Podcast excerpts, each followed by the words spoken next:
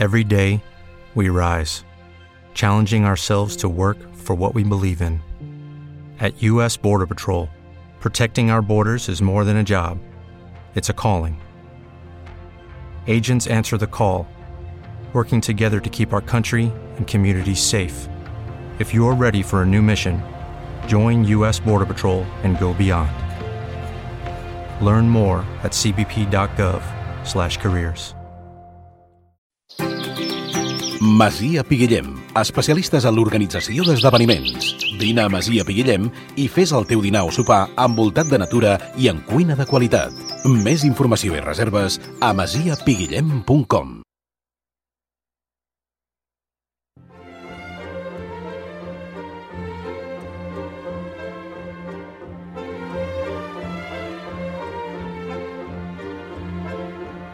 Senyores i senyors, l'espectacle és a punt de començar.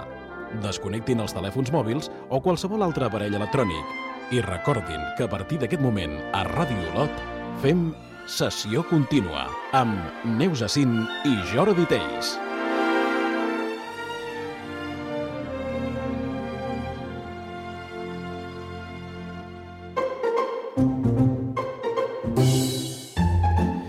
Bon dia i bona hora, benvinguts a una nova edició de Sessió Contínua, el racó on ens trobem tots aquells que ens agrada parlar de cinema.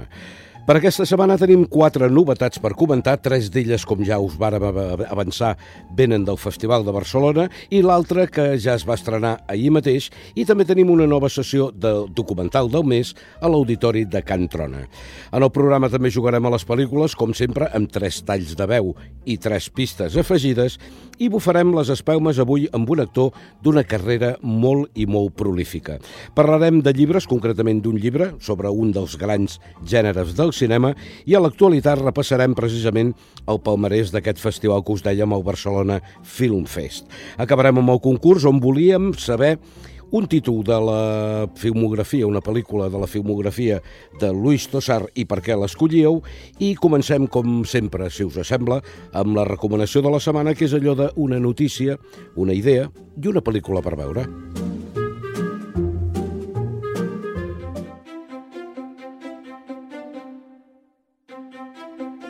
La recomanació de la setmana. La notícia. A principis de la setmana vàrem saber que, segons una consultoria externa, les dades dels llibres més venuts a la Diada de Sant Jordi no es corresponien amb les donades pel propi Gremi de Llibreters de Catalunya. I pocs dies després, ells mateixos han rectificat donant altres dades. Per tant, una tercera eh, solució a l'enigma. La idea, doncs, és ser conscients una vegada més que totes les xifres i estadístiques poden ser alterades, manipulades o senzillament, com en aquest cas, equivocades, per no saber sumar i restar, per la qual cosa sempre són relatives. El recomanem Donald i les matemàtiques, un curtmetratge estrenat l'any 1959 per Walt Disney i on aquest simpàtic personatge, l'Ànec Donald, ens ensenya als més petits, i ara podríem dir també al gremi de llibreters, com es fan els càlculs més senzills d'això que coneixem com matemàtiques. Sessió contínua, el programa de cinema a Ràdio Olot.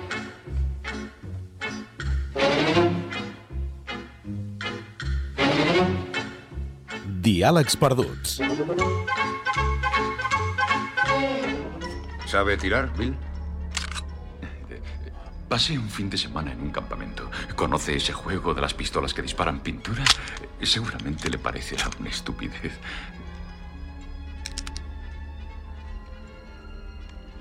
Pues ahora no es pintura, Bill.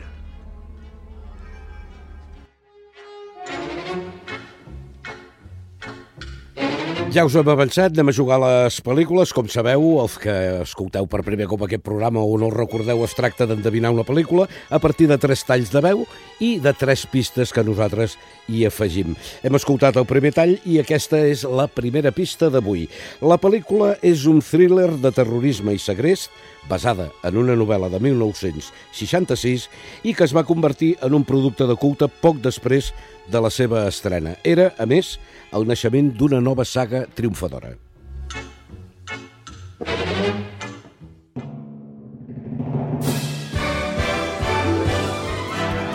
Auronix Basar Canàries patrocina les novetats de la setmana.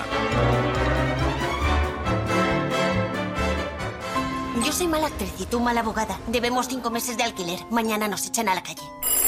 Quizás son buenas noticias. Inspector de la Sirete. ¿Tenía usted cita con el señor Montferrand? Sí. El señor Montferrand ha muerto. ¿Lo han asesinado? Su repentina muerte es uno de los acontecimientos más felices de mi vida. El señor Monferrand se abalanzó sobre mí. Por favor, señorita. Es un viejo verde. ¿Le caerían cinco años de cárcel? No necesariamente. Sería en legítima defensa. Entonces fui yo. ¿Lo admite? Soy el hombre más feliz del mundo. Yo también. Bueno, la mujer. Desde hace algunos años, las mujeres nos reprimen con desvergüenza. No es posible como mujer, en 1935, labrarse una carrera y llevar una vida en igualdad de condiciones. ¡Bravo, Madeleine! La vida parece tan diferente ahora. Es evidente. Tu crimen hace milagros. Doncs vinga, com us dèiem, la primera de les novetats ens arriba directament del Festival Barcelona Film Fest. Es tracta de Mi Crimen, que de fet va obrir les projeccions amb el primer passe per la premsa al matí i després va ser la pel·lícula inaugural a la tarda. Es tracta d'una comèdia francesa amb moltes, ho vam comentar, amb moltes cares conegudes que hem vist en moltes pel·lícules, cares de diverses generacions, i dues molt poc vistes, aquestes que escoltàvem en el tall, que fan el paper una d'actriu i l'altra d'advocada, i que per la seva joventut fa poc que treballen en, aquest, eh, en aquesta indústria, però que segurament veurem a partir d'ara amb aquest tipus de producte. Producte fresc, desenfadat, tot es construeix al voltant d'una intriga criminal, hi ha un judici del tot pintoresc i personatges força esperpèntics. L'argument ens situa a la França de 1935, on un investigador haurà de resoldre l'assassinat d'un banquer de París i entre els sospitosos coneixem precisament a una d'aquestes dues noies, la Madeleine, que rere el seu fons de fama, de voler ser una actriu, es veu involucrada en el cas. El repartiment, Nadia Tereskiewicz, Isabel Hooper, Fabrice Lucchini, Danny Bon i Jean-Christopher Bouvet, entre d'altres, i el director, com dèiem, és François Ozon, autor també del guió amb Philippe Piazzo. Ell va debutar als anys 80 amb un seguit de curtmetratges i el seu primer llarg va ser Mirando al mar, però és que després vindrien títols tan importants i que molts coneixeu com Amantes criminales, La piscina, Ocho mujeres, Ricky, En la casa, Franz o Verano del 85, entre moltes altres. Eres una trabajadora muy competente y valiosa, Filipa, pero he decidido que estás en el nivel adecuado. ¿Eso es un manual de recursos humanos? No, no. ¿Qué mejoraría tu situación? Tener pene. Pues te presto el mío. Últimamente no lo uso. ¿Qué haces? ¿Qué estás haciendo? ¿Pero Tú qué? te vienes al teatro conmigo. y- ¡Mi reino por un caballo! Me gustaría presentar mis respetos y visitar su tumba algún día. ¿No tiene tumba? ¿Quieres entrar en el grupo? Pareces bastante normal. No lo soy. ¿Tienes algún libro sobre Ricardo III? Tenemos ocho libros. Me los llevo. ¿Cuál de ellos? Todos. Sé que eres una especie de aparición. He intentado descubrir qué haces aquí. No sé si es porque estás perdido. Sé que puedo encontrarlo. ¿A quién? A Ricardo. ¿A qué Ricardo? Perdón. Al tercero. ¿Al rey? El rei, efectivament. Seguim amb cinema europeu, de França ens n'anem al Regne Unit, amb aquesta pel·lícula The Lost King, que en el festival que diem Barcelona Film Fest va guanyar el premi al millor guió original. És una nova aposta d'aquest eh, prestigiós director Stephen Frears, que a través de la seva mirada tragicòmica sempre analitza les febleses del caràcter humà. L'argument ens situa a l'any 2012, quan es descobreix eh, les restes... No, perdó, 2022, quan eh, es descobreixen les restes del rei Ricard III, perduts eh, feia més de 500 anys en els soterranis d'un aparcament a la localitat britànica de Leicester. La recerca va ser organitzada per una historiadora aficionada que va ser molt ignorada per amics, familiars i sobretot sobretot també per experts acadèmics, i eh, es dona el fet que en la pel·lícula la veritable historiadora, que és Philippa Langley, surt en una petita escena eh, de la pel·lícula, i al seu costat, evidentment, el repartiment oficial de la pel·lícula és Sally Hawkins, Steve Coogan, que es dona la circumstància que és l'autor del guió, Jane Fleet, Sinead McInnes i John Paul Hurley, entre d'altres. Com dèiem, El director de la pel·lícula ha estat Stephen Frears, que va debutar als 70 amb Detective sin licencia i després d'una llarga trajectòria té títols com Mi hermosa lavanderia, Las amistades peligrosas, Café irlandès, Mary Reilly, Alta fidelitat de Queen o Florence Foster Jenkins.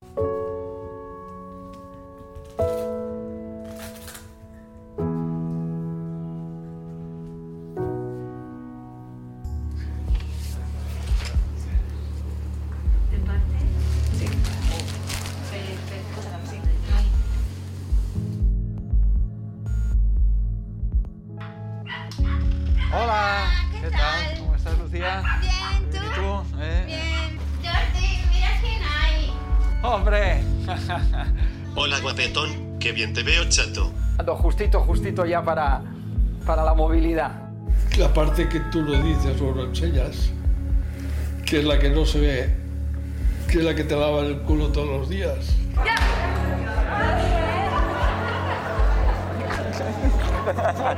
es más rápida. Es más rápida la de Cisco, el cabrón. I escoltem la tercera novetat que també ens ve del Barcelona Film Fest, que és un producte nacional i dins del gènere del documental.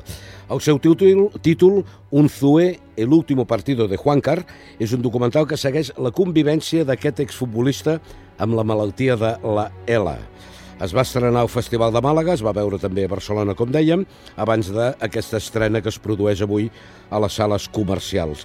La història, com dèiem, és la de l'exporter del Futbol Club Barcelona, que el juny del 2022 va fer pública la seva malaltia d'esclerosi lateral amiotròfica, coneguda com ELA, i a partir d'aquí veiem l'afany de recaptar fons per ajudar la investigació contra aquesta malaltia amb reunions i trobades amb directives del Barça i del Manchester City per organitzar un partit, el dia a dia també de la seva malaltia, les seves condicions de vida a casa.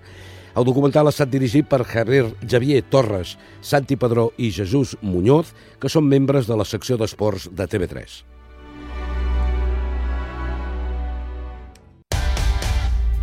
Voy a decirte algo. Soy Star-Lord. Yo formé los guardianes. Conocí a una chica. Me enamoré. Esa chica murió. Pero luego volvió. Hecha una capulla integral. Por favor. Te has dejado algún detalle importante, pero... Fue así, básicamente.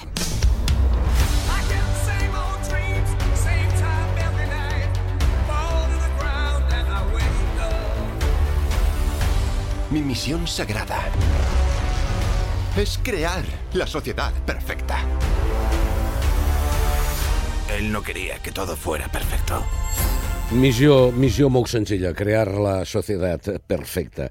És l'última de les novetats, eh, aquesta estrena que ja vàrem anunciar divendres passat que es podia veure des d'ahir, és la tercera entrega de la saga Guardianes de la Galàxia produïda per Marvel Studios i distribuïda per Walt Disney, és la seqüela de les entregues que ja es varen poder veure el 2014 i el 2017 i és la 32a producció de l'univers Marvel.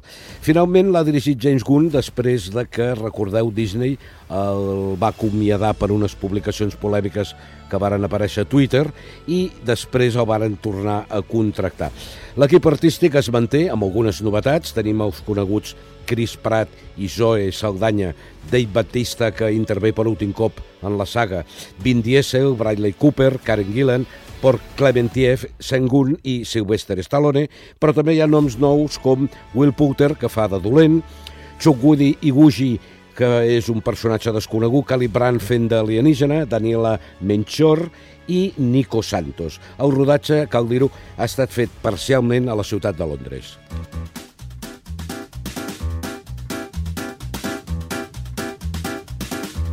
I amb totes aquestes novetats anem a repassar una mica la distribució de la cartellera i com tenim l'agenda per aquests propers dies. Tenim quatre doblets de Los King amb aquest documental que dèiem un Zue, l'últim partit de Juan Carr, Fatum amb Guardianes de la Galàxia, Super Mario Bros. la pel·lícula amb Possessió Infernal, El Despertar i Mapka Guardiana del Bosc amb Un cel de plom. I a continuació quatre sales amb la mateixa pel·lícula en totes les projeccions, que serien l'estrena que ens queda per dir, Mi Crimen, i Vaya Vacaciones, Guardianes de la Galàxia i per últim Super Mario Bros, la pel·lícula.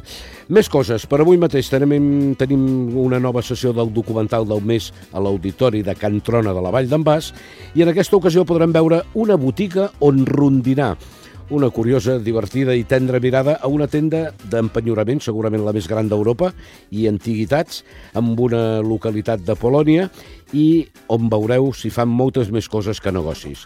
La podeu veure avui a dos quarts de vuit del vespre i demà a les 5 de la tarda a l'Auditori de Can Trona de la Vall d'en Bas. I per últim, preneu nota que dijous que ve, 11 de maig, la pel·lícula que podrem veure en versió original serà Super Mario Bros. la pel·lícula.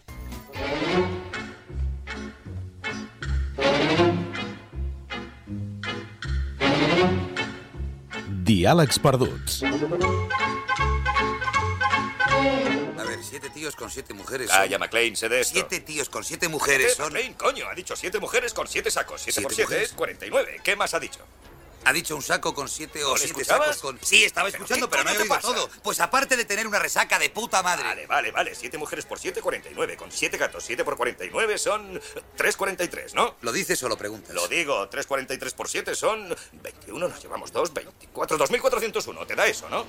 Sí, me da eso. Dos, cuatro, cero. Eso es, marca 5, 5, 5, 2, 4, 0. cuatro, cero. Novament hem sentit un nou diàleg de les escenes d'aquesta pel·lícula que hem d'endevinar avui. Anem per la segona pista. Aquesta pel·lícula va ser nominada als Oscar com a millor so, efectes de so, efectes visuals i muntatge. Amb un pressupost de 28 milions de dòlars, en va recaptar més de 140 milions i va gaudir de crítiques positives per part de la majoria dels crítics d'aquell moment.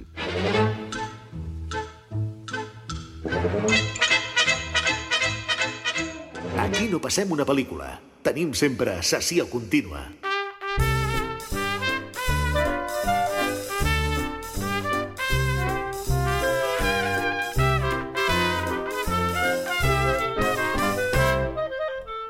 I anem ara, com cada 15 dies fem, a bufar espelmes. Ho fem amb un actor que demà complirà justament 62 anys d'edat.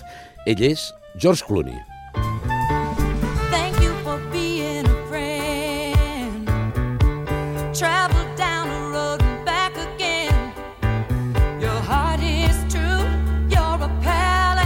George Timothy Clooney va néixer el 6 de maig de 1961 a Lexington, Kentucky, als Estats Units. Fill de periodista i política, va estudiar interpretació a la Beverly Hills Playhouse, tot i que el seu somni era convertir-se en jugador professional de béisbol. Els seus primers treballs varen ser a la petita pantalla amb aparicions a sèries com Las chicas de oro, Hotel o Se ha escrito un crimen. L'any 1994 aconsegueix la fama internacional a l'aparèixer a la sèrie Urgències per la que va ser nominat als Emmy diverses vegades. Dos anys més tard, amb Abierto hasta l'amanecer de Robert Rodríguez, Clooney fa el seu primer paper important a la gran pantalla. Disculpe, tiene sus cosas en mi asiento. Perdón. Oh, venga ya. Tiene que ser una broma. Perdone, por favor, me gustaría cambiar de asiento. Estuvimos casados. 19 años terribles. Solo estuvimos casados cinco. Cuento la recuperación. Dentro de cuatro Nuestra días. hija se casa con un chico de Bali a millones de kilómetros de casa. Solo quiero besarte. Es como si me hubiera dado cuenta de que todo cuanto quería lo tenía delante de mí. Va a tirar su carrera por la borda. Igual que su madre, así que soy la única que puede impedirlo. A él no le hace ni caso.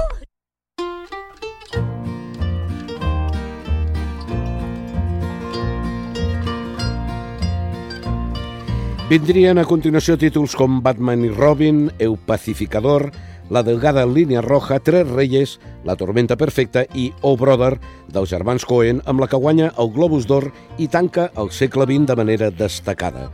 I amb el canvi de segle, el debut a la direcció. bright Ho fa el 2002 amb Confessiones de una mente peligrosa, any que també protagonitza Solaris, de Steven Soderbergh, amic i col·laborador de més d'un treball posterior. El 2005 guanya el Globus d'Or i l'Oscar com a actor secundari pel seu treball a Siriana. Aquell mateix any dirigeix el seu segon llargmetratge, Buenas noches y buena suerte.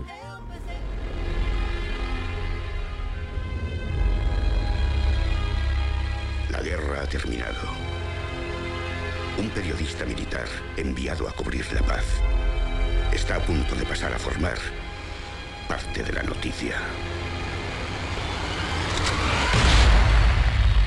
Si la guerra es un infierno, ¿qué viene después? ¿Un norteamericano aparece muerto en la víspera de la conferencia de paz?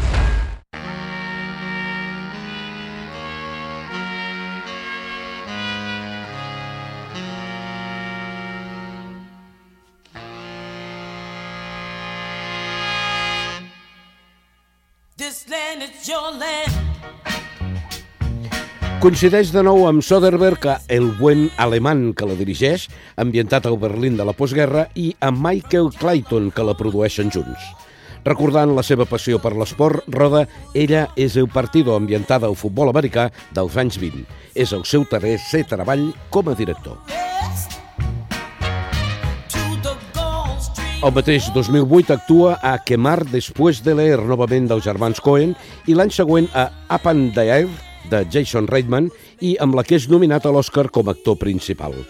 A los hombres que miraven fijamente a les cabres, Clooney és un militar que utilitza mètodes paranormals per combatre l'enemic i a El Americano encarna un assassí a sou a Itàlia. Ponga sus iniciales aquí y aquí. Joe será el padre de acogida hasta el momento en que tú adoptes al niño, cosa que podrás hacer en cuanto Joe se haga cargo de él. Es de fiar. Tengo un vínculo legal, señorita.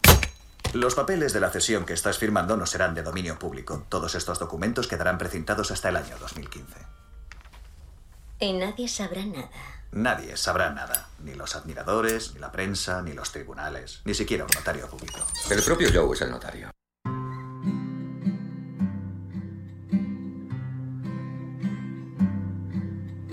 Lay the old moon keep shining.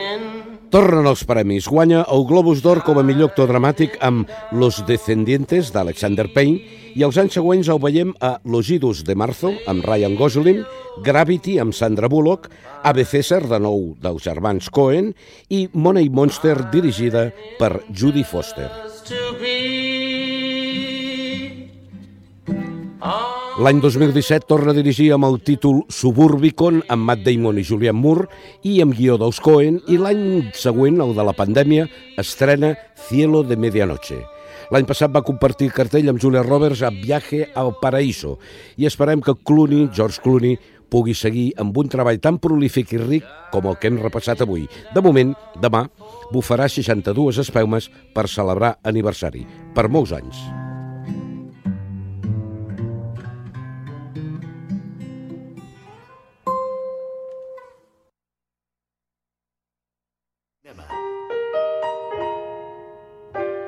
Llibres de pantalla. Com us vàrem dir després de les aglomeracions a carrers i llibreries, vàrem anar aquesta setmana a una d'aquestes llibreries amb molta més calma. Vàrem trobar un llibre que possiblement us pugui interessar. El seu títol és Història informal del cine negro del origen a nuestros días. La curiositat o la introducció d'aquest eh, manual és que s'inspira d'entrada en la literatura, en la millor literatura d'aquest gènere, el negre, amb autors com Chandler, Hammett, Kane o Michael Connelly, i aquests autors precisament serveixen de punt de partida per entrar a criticar i analitzar diverses pel·lícules del gènere negre més clàssic. Perquè l'autor que defensa és que, malgrat alguns trets, no tot el cinema, que podríem dir de lladres i policies, compleix els paràmetres habituals del cinema negre i cal conèixer de prop obres importants com El halcón maltés, Laura, Perdición o Set de Mal per saber quins són els veritables ciments, els autèntics, d'aquest gènere. Repetim, una història informal del cine negro, l'ha editat Erasmus Ediciones i ja ho podeu trobar a la vostra llibreria per 18 euros i 95 cèntims.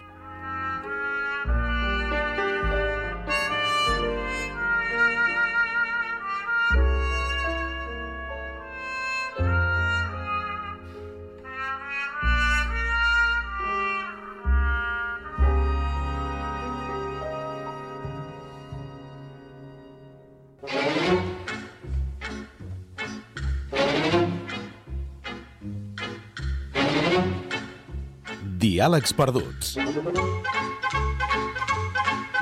Era necesario volar el rascacielos, Hans. Cuando robas 600 dólares puedes desaparecer. Cuando robas 600 millones te encontrarán. A no ser que crean que has muerto. Tire el arma.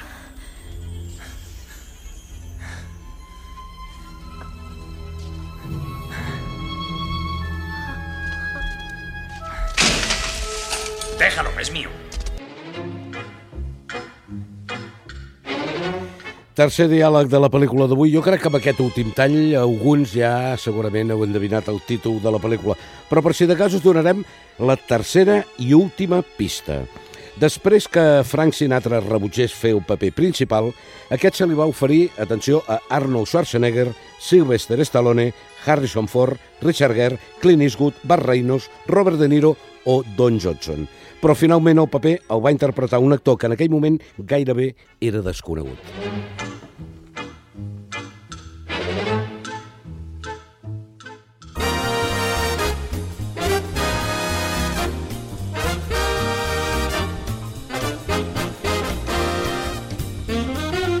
Ja us ho vàrem avançar divendres passat, també ho hem dit al llarg del programa d'avui, perquè més enllà de la vaga aquesta de guionistes que es va iniciar aquest dilluns i que, atenció, amenaça amb la producció de pel·lícules i sèries, acabarem una mica amb la informació d'aquest Barcelona Film Fest. Hem dit que algunes novetats, avui concretament tres, ja ens arriben a les pantalles, però n'hi ha d'altres que són les que varen aconseguir algun premi que també ho faran properament. Per exemple, la uruguaia d'Anna García Blay, que va ser la guanyadora pràcticament del certamen a l'endur-se el premi, per una banda, a la millor actriu per Fiorella Botaioli i el Premi del Públic. Per la seva part, Rebel, coproducció entre França, Bèlgica i Luxemburg, va guanyar el premi a la millor pel·lícula i La impaciencia del corazón, el de la millor direcció de Bill August. Per la seva part, el francès Omar Shey, que ja vàrem comentar que va visitar el certamen, va ser escollit com a millor actor pel seu treball Padre i Soldado, i el millor guió va ser per The Lost King, que és una de les novetats que avui hem presentat. El festival, hem de dir, per Colenda, que ha brillat com mai ho havia fet i ha omplert les sales gairebé en totes les seves sessions. Concretament, la directora del certamen, Conxita Casanovas, està molt satisfeta dels resultats i del futur que ja prepara, tant, tant és així, que ja prepara l'edició del 2024.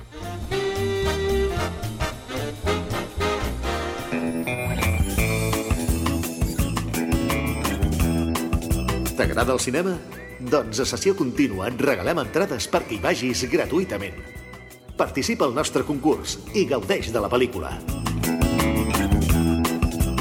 Doncs vinga, anem al final del programa. Hem de dir que la setmana que ve parlarem de propostes per veure cinema des de casa i viatjarem a un any per celebrar una pel·lícula important que es va estrenar aquell any. Solució als diàlegs perduts d'avui.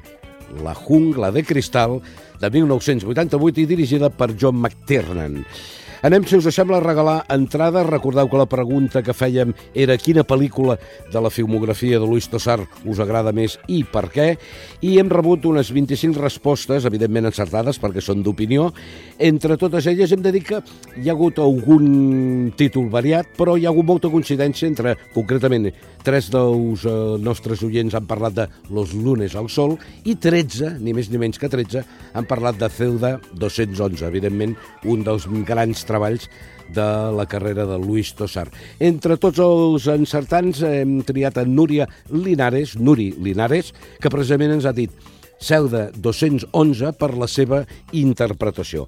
Anem, si us sembla, per la pregunta de la setmana que ve que voldríem saber una pel·lícula, a partir del documental aquest de Juan Carlos Unzué, volem que ens citeu, que ens digueu el títol d'una pel·lícula on el protagonista pateix una malaltia i per què trieu aquesta pel·lícula. Podeu enviar, com sempre, les respostes al Facebook i a l'Instagram del programa.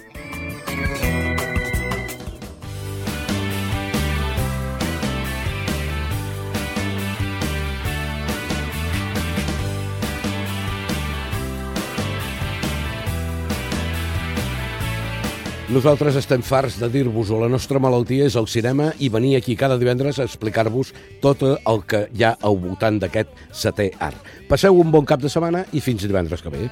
Every time I think about it, can't stop